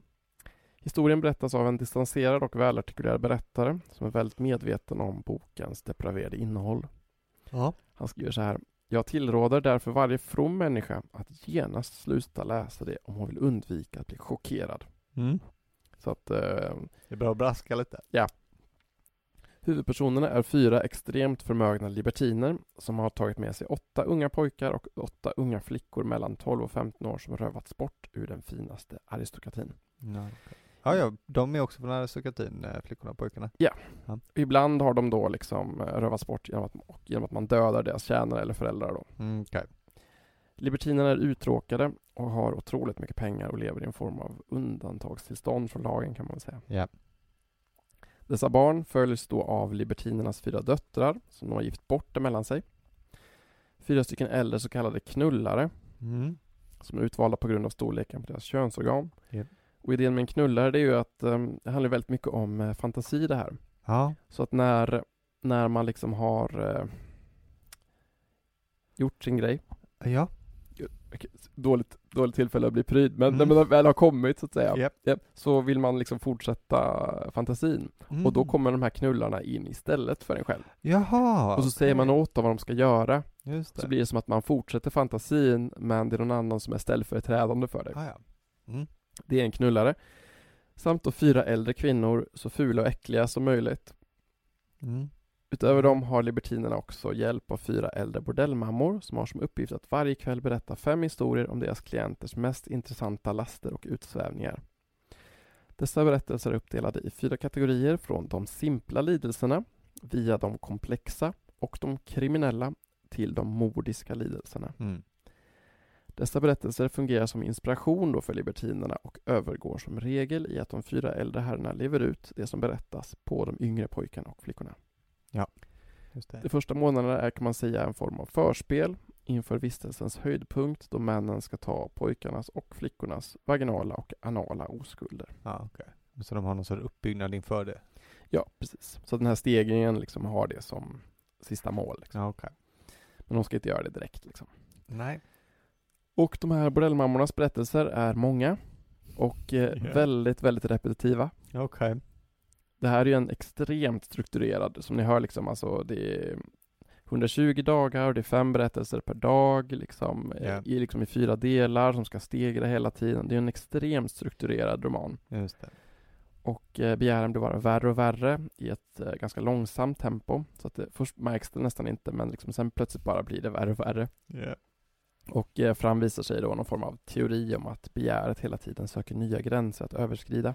Ja, ja, just det. Det är en vanlig teori. Precis. Eh, romanens huvudpersoner och många av libertinerna i bordellmammornas berättelser har grava potensproblem. Ja, okej. Deras sexuella begär har gått så långt att bara de värsta och vidrigaste utlevelserna kan få deras skruttiga könsorgan att stå upp. Okej, ja, jag förstår. Berättaren då konstaterar lite vitsigt att när den skadade eller depraverade fantasin väl vant sig vid den sortens kränkningar av den goda smaken och naturen, kränkningar som på ett förtjusande sätt uppmuntrar fantasin, så är det mycket svårt att återföra fantasin till den rätta vägen. Japp. Det hör man. Han skriver också, det är inte i njutningen lyckan består. Det är i begäret. Den består i att krossa hindren som ställs i vägen för detta begär. Okej. Dessutom är många personer i berättelserna munkar och biskopar med sjuka och perverterade lustar. Eh, många av klienterna vill inte ens se åt varken de prostituerade kvinnornas kön eller bröst. Det är ju bara anal, analen Ja, ja, som är grejen. Och ifall det skulle inträffa att de skulle se då kvinnornas kön till exempel så är kvällens chanser till erektion och tillfredsställelse förstörda. Jaha, se. Du ser. Så mycket hatar de liksom eh, konventionell eh, sexualitet. Ja, just det. Precis. Och eh, ja, en del av den här är ju den här boken då, det är också filosofiska utläggningar. Såklart. Det är ju inte bara, mm, ja, man vill inte ens kalla det porr, men Nej. nej. Det är inte bara mm, weird erotik, utan det är också liksom en slags filosofisk utläggning som då ska inbegripa hela naturen som den är, med både dygder och laster. Han konstaterar att i naturen så är vissa saker bra, andra saker mindre bra. Och att eftersträva det onda snarare än det goda är bara ett sätt att leva med naturen. Det ena är inte bättre eller sämre än det andra. Nej. Alltså ett brott då enligt Assad är mot lagen men inte mot naturen. Ja, Just det. Det här återkommer i hans andra texter sen också lite. Ja. Eh, däremot har ju brottet en karaktär av storslagenhet och sublimitet som höjer det och alltid kommer att höja det över dygdens enahanda och verkliga lockelser. Mhm. Så att du kan göra vad du vill enligt, natur, enligt naturen men brottet är lite godare. Ja, just det. Ja, precis. Det är att föredra. Så man kan väl säga att eh, den moral då som libertina lever enligt är naturen och individens. Världen och naturen är ojämlik och eftersom naturen gett oss olika förmögenhet och kroppsbyggnad måste denna avvikelse också behaga naturen. Ja, just det. Så det enda rätta att leva efter det enda rätta att leva efter är det som ger njutning då. Det enda orätta är det som ger smärta. Mm. Så det finns alltså ingen moral och eh, det här är också en grym bok liksom med tortyr och mord och stympningar och det ena och det andra liksom. Mm, just det. Däremot ska man väl också lägga in då att eh, de 120 dagarna i Sodom är inte fullbordad. Nej, just det. Det är sant, ja. Av romanens fyra delar så är det bara den första som är någorlunda komplett, liksom den som behandlar de simpla lidelserna, medan övriga tre består av anteckningar över det som ska tas upp. Okej. Men liksom bordellmammornas 600 berättelser är alla där, så att man får ju ändå en upplevelse av stegringen, även om de blir mer och mer kortfattade ju närmare slutet man kommer. Ja. Det är många berättelser, 600 stycken. Ja, det är, alltså det är hur mycket som helst liksom. Ja. Och, eh, man kan ju också säga, det är ju inte en, det är inte en dramaturgiskt bra bok. Nej, nej. Sensationell, ja, visst. Men alltså bara de simpla lidelserna är ju ibland svåra att ta sig igenom. Ja, okej. Mm. Att det ska förekomma piskrapp och stympningar och fysisk misshandel och död är man kanske beredd på sen innan. Ja, det har man hört. Men att romanen skulle innehålla så många scener där man äter bajs direkt ur eh, anus och eh, dricker kiss direkt ur könsorganen är kanske lite mer förvånande. Det är inte det första. Kanske någon går in och tänker så här, ja men BDSM kan ju vara lite spännande och sådär. Men helt plötsligt så äter de bajs. Det, Ja. det är man inte beredd på. Nej. Det är rätt speciellt. Jag har ändå, ja, men jag har ändå läst hela den här boken och Mm. ehm, men jag, eh, jag, jag brukade snitta på 50 sidor då om dagen. Okej, det är en solid läsning. Mm, Men när jag slutade varje dag så, så mådde jag ju fysiskt illa. Jaha. Ja, Alltså att, eh, men att liksom, av, jag mådde illa av att det var så mycket bajs. det är så mycket bajs. Ja. Det är faktiskt, det är ju äckligt eh, att läsa så mycket om bajs. Det var sätter ju väldigt sig i huvudet på en. Men så här, det, är inte, det är inte ofta man upplever en sån litterär upplevelse att Nej. man mår verkligen illa. Nej, det är klart. Härligt. Ja, men sen ska man också säga att romanen har ju också en viss eh, form av svart humor. Mm. genom berättarens både då väldigt sofistikerad distans till det berättade, alla de här filosofiska utläggningarna, men också hur Saad provocerar och överskrider varje, alltså varje tänkbar gräns, Ja. ofta till det helt absurda. Det finns liksom förväxlingsscener då när packade libertiner går till sängs i fel rum och jagar fel flicka och tror att det är någon annan. Det förekommer löskukar och alla typer av orger. Riktigt konstigt blir det i bokens tredje del, när de börjar ligga med djur. nu ska du få höra. Ja, Det här, är de- det här är de exempel jag orkar läsa upp, så att det, blir, Ja. det blir de här exemplen. jag är på helspänn nu. Han knullar en kalkon vars huvud är in... Nej men nu får du... Tar igen. Jag var inte beredd på kalkon. Jag tänkte get, visst, får, gris kanske. Men inte kalkon. Okej. Han knullar en kalkon vars huvud är instucket mellan låren på en flicka som ligger på mage på så sätt att, att han ser ut att rövknulla flickan. Han blir rövknullad under tiden och i det ögonblick han får utlösning skär flickan halsen av kalkonen. Mm, okej.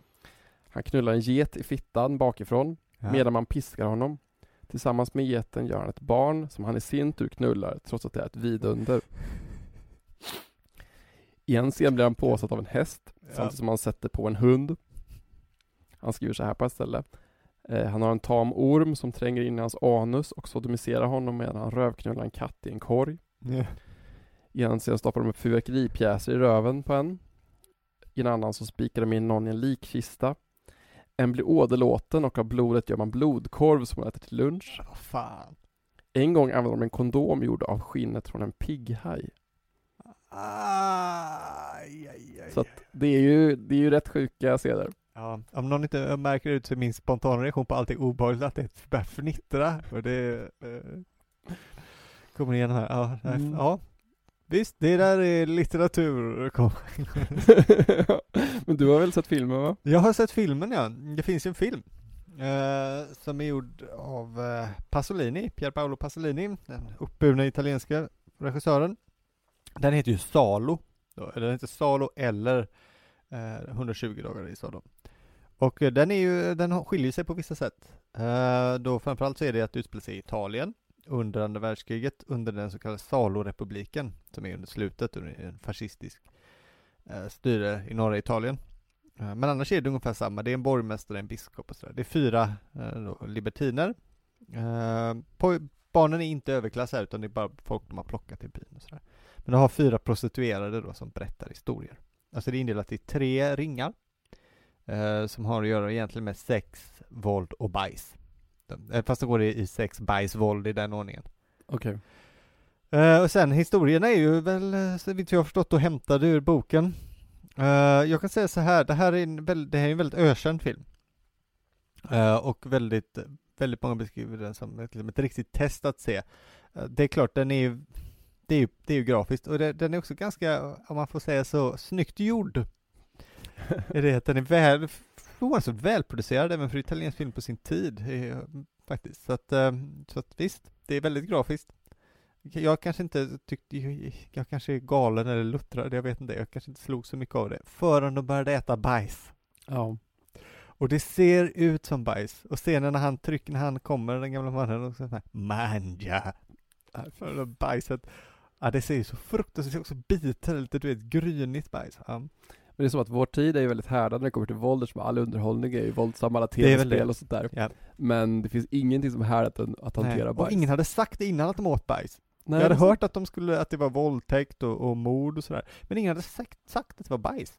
Nej, det är sant. Det är inte någonting man säger. Nej. Så att eh, så är det. Den är lite, mm, ja, den är lite speciell. Eh, Också, det är inte den bästa filmen man kan se. Nej. Faktiskt. Eh, Den, är, den, den har väl sin, sin, sina intressen, men det är inte, det är verkligen inte den bästa. Nej. Men jag har en liten spaning här, som kanske kommer in på lite Desarts person sen, han och hans allmänna filosofi, men tycker det är värt att säga nu. Och det är att jag tycker det finns en stark missuppfattning också här. Nu kanske vi redan kan börja lätta upp Desarts eh, rykte lite.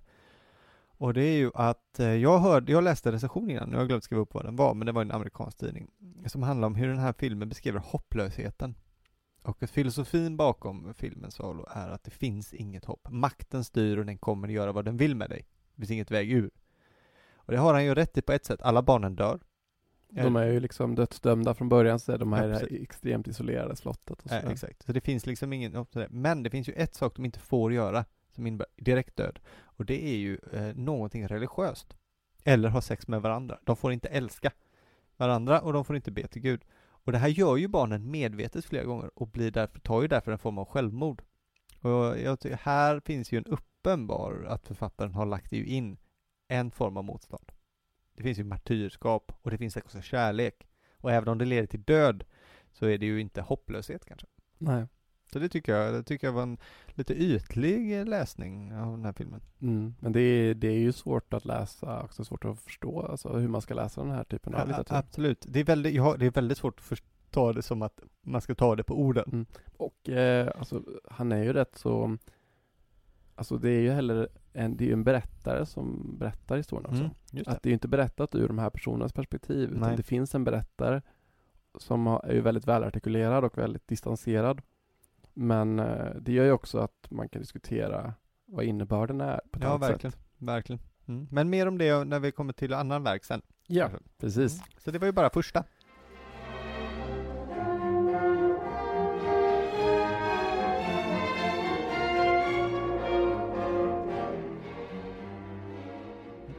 Ja, men så kommer ju det berömda året 1789.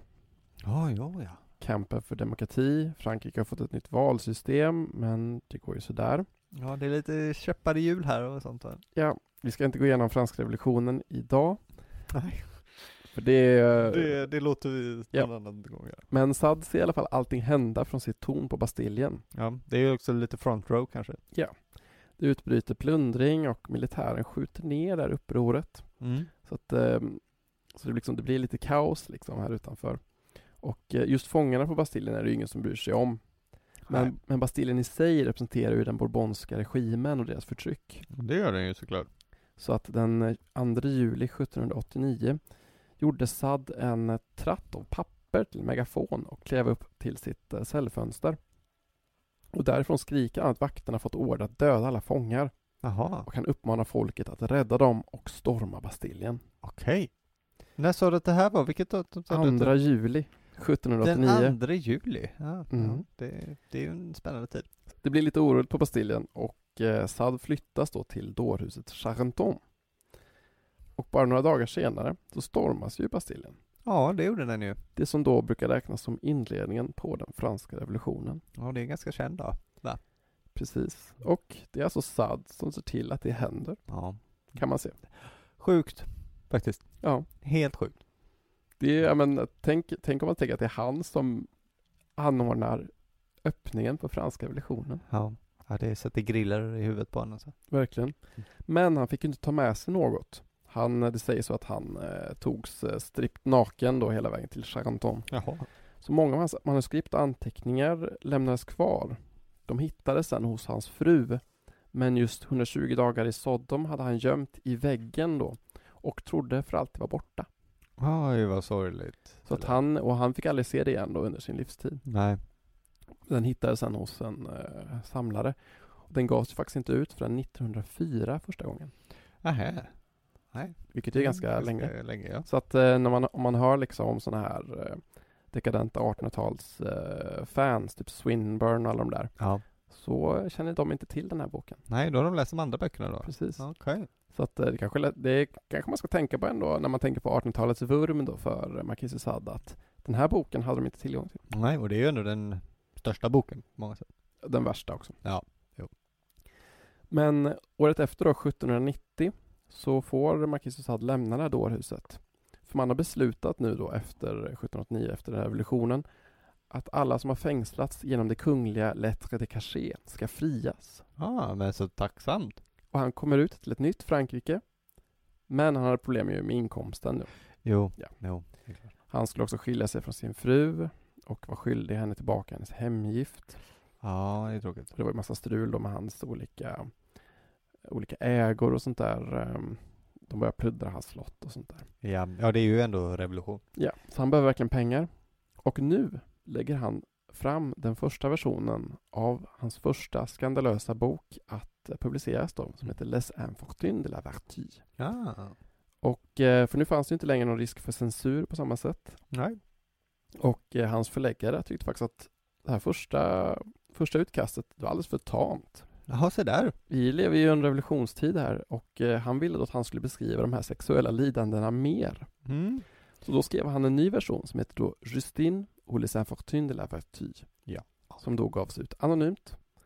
Och eh, Sad eh, stod faktiskt inte för att han skrev den här utan han förnekade den tre gånger. Ja, se där, tre gånger till och med. Symboliskt och härligt va? Ja, den här har jag läst. Eh, Jag har inte läst någon av de andra, men den här har jag läst. ehm, Faktiskt, Eh, Justine. Ja, och eh, ska jag recappa den lite kanske? Det kan vara spännande. Mm, Den handlar ju då om den, det, om det olyckliga i att leva som en dygdig person. Det hör man ju nästan på titeln. Ja. Eh, Och den har faktiskt en kompleme- komplementerande del i Juliette som handlar om tvärtom. Eh, Lyckan i att vara ondskefull. Den har jag inte läst. Jag har bara läst det här. Den ska ju vara extremt lång. Den ska ju vara dubbelt så lång som Krig och fred. Alltså, Ja. jag, ja, jag har inte tagit mig igenom alltihopa. Så. Jag har inte heller läst Juliette faktiskt. Nej, det får man ta någon annan gång. Men i Justine då så är det så att flickan Justine hon är helt igenom god. Men det händer bara dåliga saker för henne. Det är egentligen berättelsen. Berättelsen är ganska repetitiv och fungerar ungefär så här. Justine, hon har hamnat i en jobbig situation eh, där hon blir slagen och utnyttjad av en, eh, någon form av libertin. De är, kallas alltid libertiner. Hon lyckas till slut fly och i, i att göra det så, så räddar hon också någon annan alltid eftersom hon, hon är så god. Denne börjar sedan slå och våldta henne och så går det om ungefär så. Men vad fan. Ja. Det, hon har också olycklig barndom och eh, sådär. Hon och Juliette är ju systrar, det hör ju till. Men eh, de är föräldralösa och sådär. Kulmen på historien om Juliette eh, kan sägas, eller jag tycker i alla fall att den eh, nås när hon kommer till ett kloster som är känt för sin fromhet, hon flyr där, där dit då. Till godhetens bastion. Exakt, äntligen tänker hon. Men det visar sig ganska snart att det är något annat på gång. Det är så att munkarna, de håller egentligen en massa flickor fångna i en väldigt avancerat system under klostret i marken. Och det här håller, det är sida upp och sida ner med hur extremt väluttänkt det här är så att ingen kan fly, eh, hur de kan få in nya och sådär, hela, hela faderullan liksom. Och det är också här som det ballar ur totalt. Eh, I en scen, som jag själv tycker är den mest anmärkningsvärda kanske, så är det en munk, han eh, sätter på en tjej framför honom, medan en annan munk eh, tar honom där bak Så där har vi de två. Munken i, i mitten då, han fingrar två tjejer, en med vardera hand. Ö, överallt, kan vi säga. Snyggt. Samtidigt som en sista tjej bajsar honom i munnen. Så att där har ni scenen. Försök att föreställa er den. Bra fredagkväll. Exakt. Och det är ju återigen, det är här bajset kommer in. Mm. Så det kommer, alltså, den här texten förhåller sig länge utan bajs. Men till slut så dyker det upp. Det, är bajs, det är mycket piskor och bajs här. Ja, till exempel då så munkarna slår flickor och så tvingar de sen in och sväljer, sväljer deras bajskorvar. Förlåt, det är, inte, det är så svårt att inte fnissa och Det skratta. här är inte alltså. kul. Nej, så alltså, de tvingar oss svälja bajskorvar. Ofta med väldigt eh, fina formuleringar. Det här är min favorit. Kanske, ehm, det är då att de ska svälja, inte bajs, utan ett gyllene ägg som dols i min hemliga trädgård ja. Det är väl också mycket, mycket hemliga trädgårdar och, och allra mest förbjudna nöjen och sånt där. Ganska snyggt skriven eh, så sätt. Och, och som jag sa, den är ganska repetitivt det här och kanske inte så jävla kul läsning. Men mitt i allt eh, pippande så finns det något som är väldigt intressant tycker jag. Uh, och det är hur jag tycker att Dessad uppenbarligen driver ganska mycket med sin tids filosofi och upplysningsideal och tankar. Det är så här att var och en av de här skurkarna, de här libertinerna som dyker upp, och de är en handfull, de tar tid på sig att förklara att deras handlingar inte alls är onda, utan att de står på naturen och rationalitetens sida. Ja, ja, ja. Ja, så här, det- vi har liksom dialoger slash monologer, det är mest monologer. Men ett exempel på det här är till exempel när Justine är fångad av en man som vill experimentera på henne. Han förklarar att för att kunna göra ett medicinskt framsteg så måste man undersöka underlivet på en oskuld som nyligen blivit torterad till döds. Okej. Ja, och då är det så att eftersom detta skulle vara ett stort framsteg för forskningen så borde Justine sluta att böla, för hon eh, blev väldigt upprörd, och inse att det vore fel att eh, hållas tillbaka av gammal vidskeplig moral som inte, eh, när det är så att naturen är ju är grym och människan kan inte låtsas att man står över naturen.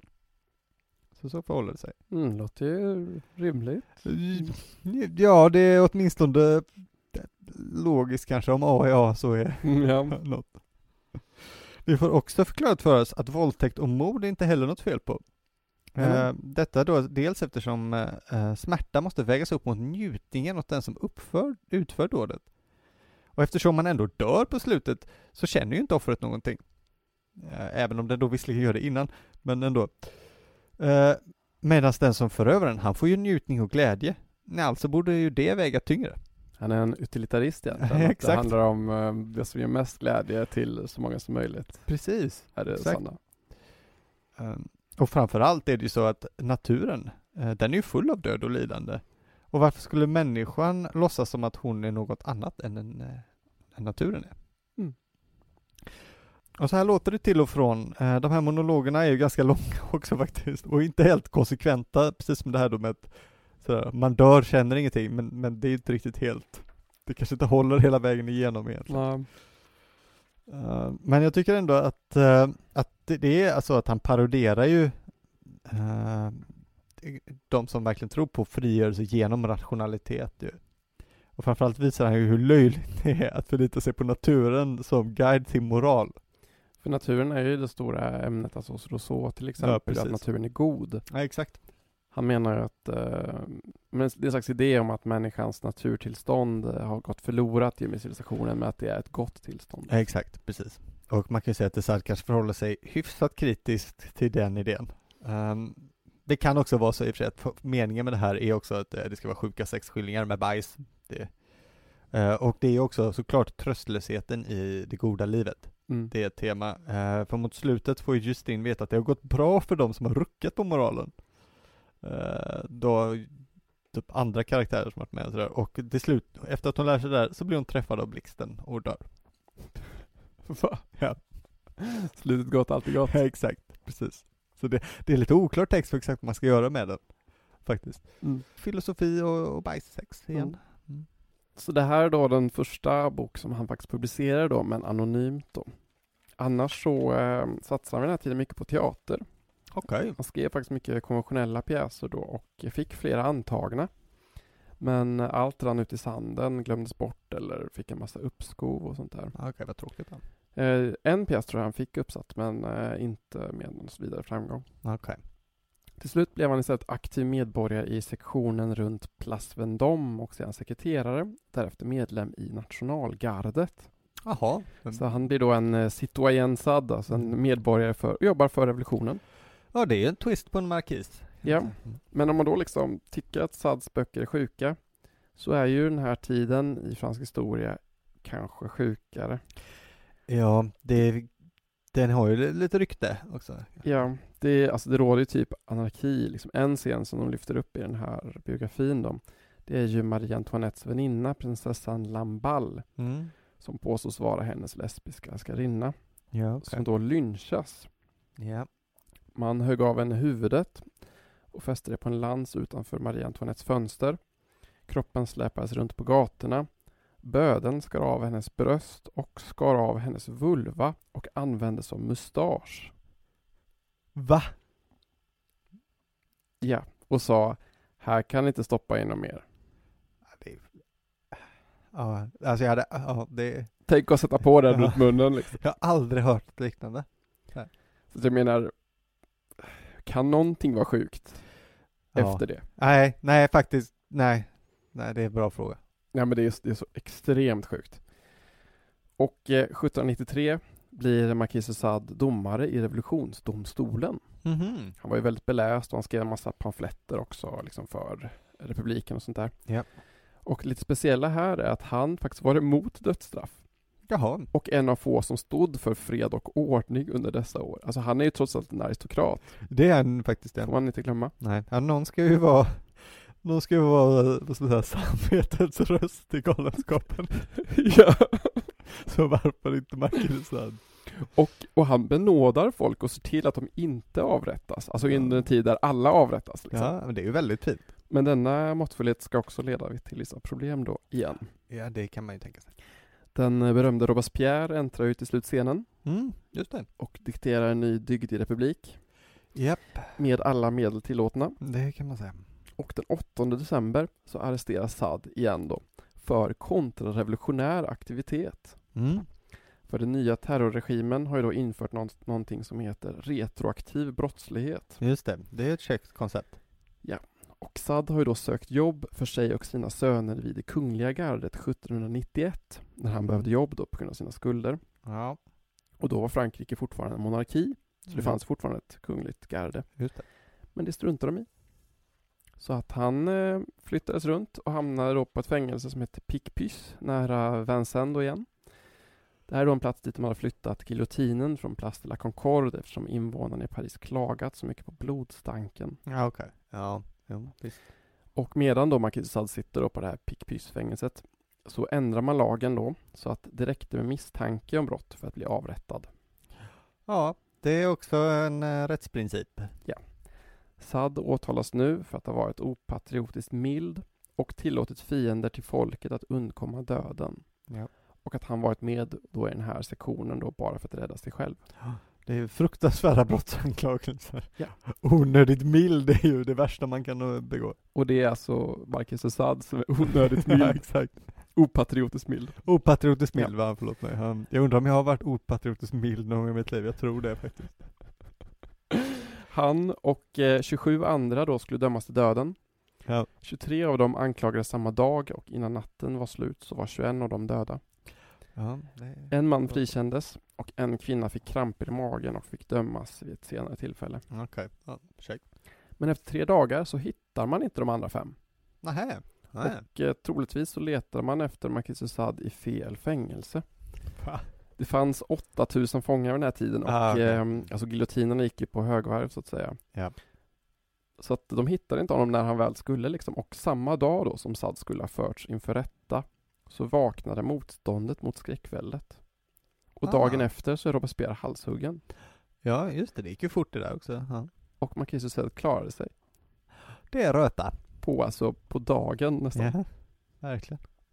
Det, är, alltså, det är helt sjukt. Det är helt sjukt. Och här i Picpus-fängelset så börjar han skriva filosofin i sängkammaren. Ah. Denna härliga bok. Och det är alltså sju dialoger om en ung flicka som heter Eugenie som genom orger och filosofi vartannat ska lära sig att bli en äkta libertin. Yep. Så här säger en av hennes lärare då, Madame de Saint-Ange. Det är självklart att jag kommer att göra allt för att pervertera, förnedra och kullkasta alla de falska moralprinciper som han redan har förvirrat henne med.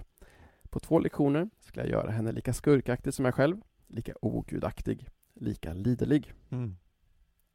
Hon och en friherre och eh, en man som heter Don Monse ligger då med henne på en massa olika sätt.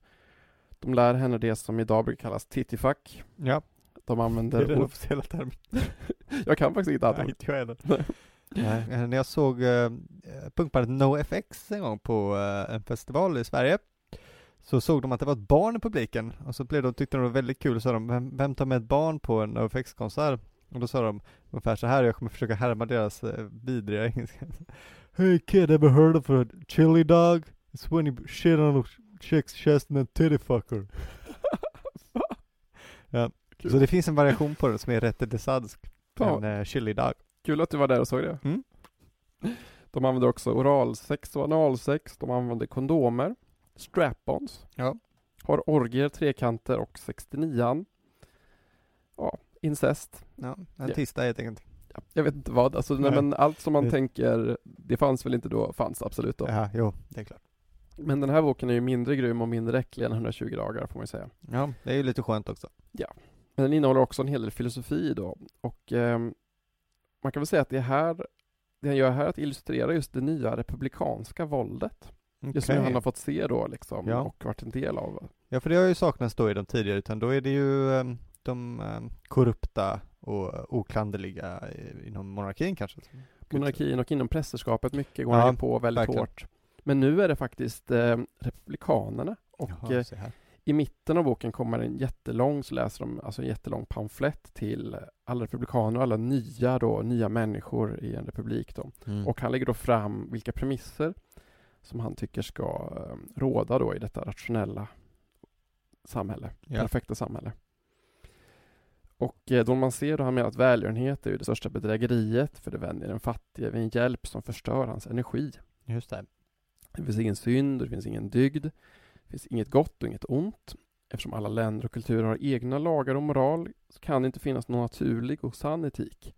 Utan allt är bara larv påhittat av människor. Ja. Det enda som finns är att knulla. Knulla, det är därför du satt till världen. Madame de Saint-Ange argumenterar också för att den som satt ett barn till världen också har rätt att döda det. Ja, ja. ja, men det tror jag någon säger i Justin vid något tillfälle också. Ja. Eh, och eh, som du sa, så, grymheten finns i naturen och därför är det inget fel att vara grym. Nej. Det är ju hans standardargument kan man Det säga. kan man säga. Kan man eh, skönja en viss mått ironi i, i den här texten? Eventuellt. Eventuellt. Dessutom säger ser då, vad spelar det naturen för roll om den mänskliga rasen utslocknar eller utplånas från jorden? Den skrattar åt vårt högmodiga sätt att intala oss att allt skulle upphöra om denna olycka inträffade. Naturen skulle helt enkelt inte märka den, Nej, just det. Nej, visst. kan man ju tänka på. Mm. Naturen är ju egoistisk, men alla lagar är gjorda för det allmänna och det personliga intresset står alltid i strid mot det allmänna. De lagar som är bra för det allmänna är dåligt för den enskilde. Jaha, okej. Mm. Japp, så att det finns en hel del politik där här då. Det kan man säga. Japp. Ehm, I den här då pamfletten så står det att det ska inte finnas någon religion, att ingenting är brottsligt. Han står för total yttrandefrihet. Ja, Bara genom att håna och skratta åt religionen kan man utplåna den. just det. Man ska avskaffa dödsstraffet. Mhm. Mannen ska ha rätt att ligga med vilken kvinna han vill när han vill. Ja. Ingen, straff för, ingen straff för våldtäkt. Nej, Det menar han är mindre orätt än stöld. okej. Man tar ju ingenting. Nej. Nej, okej. Nej, visst. Det har väl, fyller väl någon eh, logik. Det finns heller inget ägande av någon annan, alltså typ ett äktenskap till exempel. Nej. Även kvinnor ska få ligga hur mycket de vill. Mm, där. Barnen ska tillhöra republiken och inte familjen. Nej. Incest tillåtet. Och även mord. Ja. Vilken Ja. utopi va? Verkligen, verkligen. Det känns som att det finns vissa logistiska problem med det här kanske, men eh, Ja men det är ju, det är ju total natur. det, det är det ju faktiskt. Ja, det är total natur, ja. ja absolut. Mm. Och helt ehm, rationellt. Eftersom att moral ju bara är mänskligt påfund Ja, och ja, vidskepelse. Ja, så, så, vi, så vars så. Mm. Så är det ju glasklart, det är så här man ska leva. Ja. Och den här boken slutar då med att Eugenies mamma kommer för att hämta henne. Hon är ju ganska ung, alltså hon är ju 14 kanske eller något sånt där. Ja. Och det tycker de är väldigt kul. Så då, då tvingas den här mamman då att kyssa sin dotter i röven. Okej. De klär av henne och våldtar henne på en massa sätt. Till slut kallar de upp en dräng med syfilis som får ligga med henne både i röven och i könet. Mm. Sen syr de igen både hennes kön och hennes röv då med hans syfilissats fortfarande i. Ja, det är mycket för, det är mycket att försöka liksom, packa, in, packa in i huvudet här nu känner jag. Ja, okej. Ja, Mm. Ja, hur ska man, vad gör man av den informationen? hur ska vi se på det här då? Verkligen. Det finns ju faktiskt de som har menat att Saad egentligen är en moralist. Mhm. Alltså att han skulle visa hur samhället blir utan religion, alltså att det inte finns något mellanting. Nej, okej. Vi vet ju att han läste väldigt mycket filosofi i fängelset. Ja, en massa folk som hyllar naturen. Ja. Och eh, det var, alltså man kan ju läsa som att Saad vill visa hur naivt det projektet är liksom. Hur, eh, alltså att naturen är grym och att också att liksom hur han visar allt ont som kan göras i republikens och frihetens och rationalitetens namn. Ja, alltså, jag, jag tycker att det finns uppenbart att det finns en sådan tråd. Sen hur långt man ska dra, ta vad han menar med det, vet jag inte, men jag tycker det går ju absolut att utläsa en, ett, ett, alltså ett, en parodi på Ja. den typen av filosofi. Den här republikanismen i filosofin i sängkammaren, ja, men den är ju väldigt nära knuten just till Robespierre och de här revolutionära teorierna liksom. Ja. Och han levde ju inte helt, eller han levde ju inte i enlighet med sina, det han skriver heller ju liksom. Nej, nej, absolut. Japp, så att eh, efter tio månader då i Picpus, det här fängelset, så släpps han fri igen. Mm. Den här gången Okej. i ett Paris helt utan skräckvälde. Ja, det var ju skönt. 1795 så kommer filosofin i sängkammaren ut och presenteras som av samma författare som Justin, fort, också fortfarande anonymt ja, då. ja. Ja, Kanske är smart, bra idé i och för sig. Han är fortfarande i stor ekonomisk knipa och det är nu han skriver då en tredje version av Justin då, som heter La Nouvelle Justin, Mm. den som troligtvis du har läst då. Ja, det är den jag har läst. Och han skriver också Juliette vid den här tiden. Man tänker att nu kan det inte vara mer historia, men jo, 1799 så tar ju Napoleon makten. Just det, just det, det har vi nästan glömt i det här läget. Ja. Och eh, han får faktiskt in en del pengar nu på en samling som heter Crime de l'amour, Mhm. som då släpps under eget namn. Och det är liksom kortare noveller tror jag. Okej. Lite mer, eh, alltså lite mer konventionella. Mm, ja, härligt. Men så en dag går han till sin förläggare och polisen kommer. Ah. Någon har sagt att författaren till Justin ska vara där och planerar att ge ut en ännu värre bok som Mm. heter Juliette. Ja, ja, det stämmer ju väl också. Det stämmer. Det stämmer, jo precis. Man hittar manuset med hans handstil och han arresteras igen. Ah, Man tror att det är förläggaren som kan ha golat. Ja, visst. Då gör Marquis de Sades familj, då, den här familjen Montreuil, en sista deal med myndigheterna och han hamnar igen på sjukhuset Charenton. Okej. Där skriver han faktiskt en radikal bok till, Mm. Dagarna på Florbel eller Den avslöjade naturen. Men efter en razzia så plockas den. Okej. Efter Sads död så krävde hans son att den skulle brännas. Ja, så den finns inte. Så den finns inte. Nej. Ja, det låter ju på titeln som att den skulle kunna ge lite upplysningar i hans filosofiska åsikt. Verkligen. Men eh, det fanns ju inget förbud mot att skriva generellt. Och Sad började då skriva en hel hög med traditionella historiska romaner. Jaha, ja. ja. Vilken omvändning. Hans, alltså hans erotiska, sadistiska böcker gavs ju antingen inte ut eller gavs ut anonymt och är väldigt få faktiskt i jämförelse med hans totala produktion. Mm. De andra böckerna har ju mycket mer traditionella sensmoraler, är lite gotiska kanske. Handlar om unga flickor i nöd. I samma stuk som i Pamela av eh, Richardson eller romaner av Anne Radcliffe. Okej. Han har ju sagt att han ville vara en fransk Boccaccio.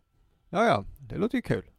Men han hade ju ett lite vildare temperament liksom eh, Ja, jo, kanske i och för sig. också. Mm. Ja. Och jag vet inte, jag tänker att han kanske också skrev ganska mycket för att hämnas. Alltså för att han kände sig felaktigt dömd eller så här orättvist behandlad. Jo, det är ju inte omöjligt, absolut. Att han ville liksom provocera så mycket han kunde typ. Ja, alltså i slutändan vet vi ju i princip ingenting förutom böckerna. Nej. Eh, faktiskt. Eh, Så att, eh, Och nu, sista vistelsen då på Charenton, så dör han då 1814. ah, han dog i fängelse? Ja. Ja. Eller det är liksom ett Ja. ja. dårhus eller ett Ja, sjukhus okej. liksom. Mm. Men eh, det fungerar som ett fängelse. Och han har ju skrivit många böcker här under den här tiden liksom. Verkligen. Han ville att hans grav skulle besås med ekollon så att den skulle försvinna för alltid. Han begravdes på deras kyrkogård utan några ceremonier som han ville. Men han fick ett kors. Ja, ja. Okej. Man vet inte om det var för att jävlas med honom eller om han, eller om han kanske var troende på slutet. Vem Ja. vet? Nej, det är väldigt svårt att veta. Men eh, några år senare var man tvungen att gräva upp gravarna på den här delen av kyrkogården. Jag vet inte om man skulle bygga om eller någonting. Jag vet inte. Nej, sånt som händer. Och hans kropp är idag försvunnen. Jaha, det var ju tråkigt. Som han önskade. Ja, jo, det, på det sättet var det ju käckt.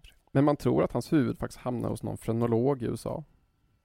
Jaha, finns det kvar där på något sätt eller? Den har försvunnit där, men det sägs Ja. i alla fall att det skickades till någon där som då skulle göra lite studier och mäta och sånt där och eh, Ja. eh, hitta inget abnormt. Nej, Nej. man ser. Ja.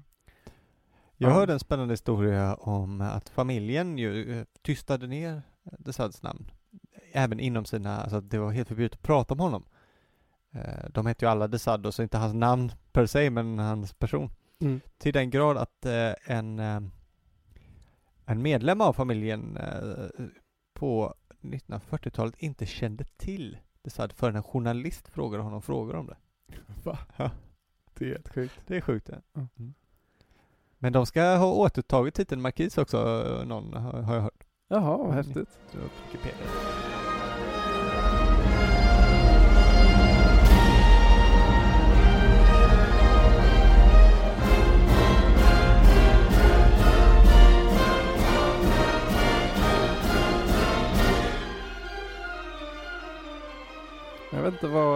Klokare nu? Det Nej, jag vet inte. Det är ju en paradoxernas man. Det är det verkligen. Men om man har lyssnat på det här kanske man har fått sig en, em, en god bit 1700-tals eh, eh, kultur insupen fall. Får man verkligen säga. Mm. Och ändå en person som ganska omtalad. Verkligen. Och om man trodde att Two Girls One Cup var ett modernt fenomen så kan man ju tänka om. Till och med ganska, ganska konservativ jämförelse. Ja, faktiskt. Faktiskt. Mm. Reaktionärt tycker jag. Ja, lite. Det är ju inte ens några armar som blir avhuggna eller någonting. Det. Larvigt. Ja, Ja. Jag förstår inte om man skulle tycka att det ska vara så sjukt. Nej, faktiskt. Tycker de borde läsa mer historia. Du kan tipsa om det. Du, eh, vet du vad Magnus? Nej. Eh, att eh, man kan bli Patreon om man tycker om sånt här. Ja, ja. Mm. Så är man väldigt intresserad av eh, bajs, eh, sex på se- 1700-talet eh, så kan man stödja oss med pengar. Och mycket, mycket mer. Och mycket mer, jag vet. Jag försöker provocera bara. Jag försöker bara provocera. Precis. Så kan man hjälpa till med bland annat inspelningskostnader eller Acast. eh, Pengar som ibland eh, inte finns där när man eh, ska betala. Så kan det vara ibland. Så kan det vara. Det är inte, det är inte Krösus och Brösus som sitter här och spelar in podd. Tyvärr. Tyvärr faktiskt. Vi får gärna bli, stödj oss i den kampen. Så är man eh, så givmild så kan man gå in på vår Patreon-sida. Alla tiders podcast på Patreon. Eller swisha en slant också om man vill bara känna så här. Idag, idag är jag redo att swisha en slant till 076 089 1982. Mm. Ska vi eh, hälsa hej då till alla där ute? Ja, det tycker jag. Ja, så får de eh, drömma sött efter det här. Japp. Hoppas inte någon ska sova till det här. Kanske någon kan få dåliga drömmar. Ja, precis. Ska vi gå och käka lite brownies? Jättegärna. Ha det fint. Jag tror det.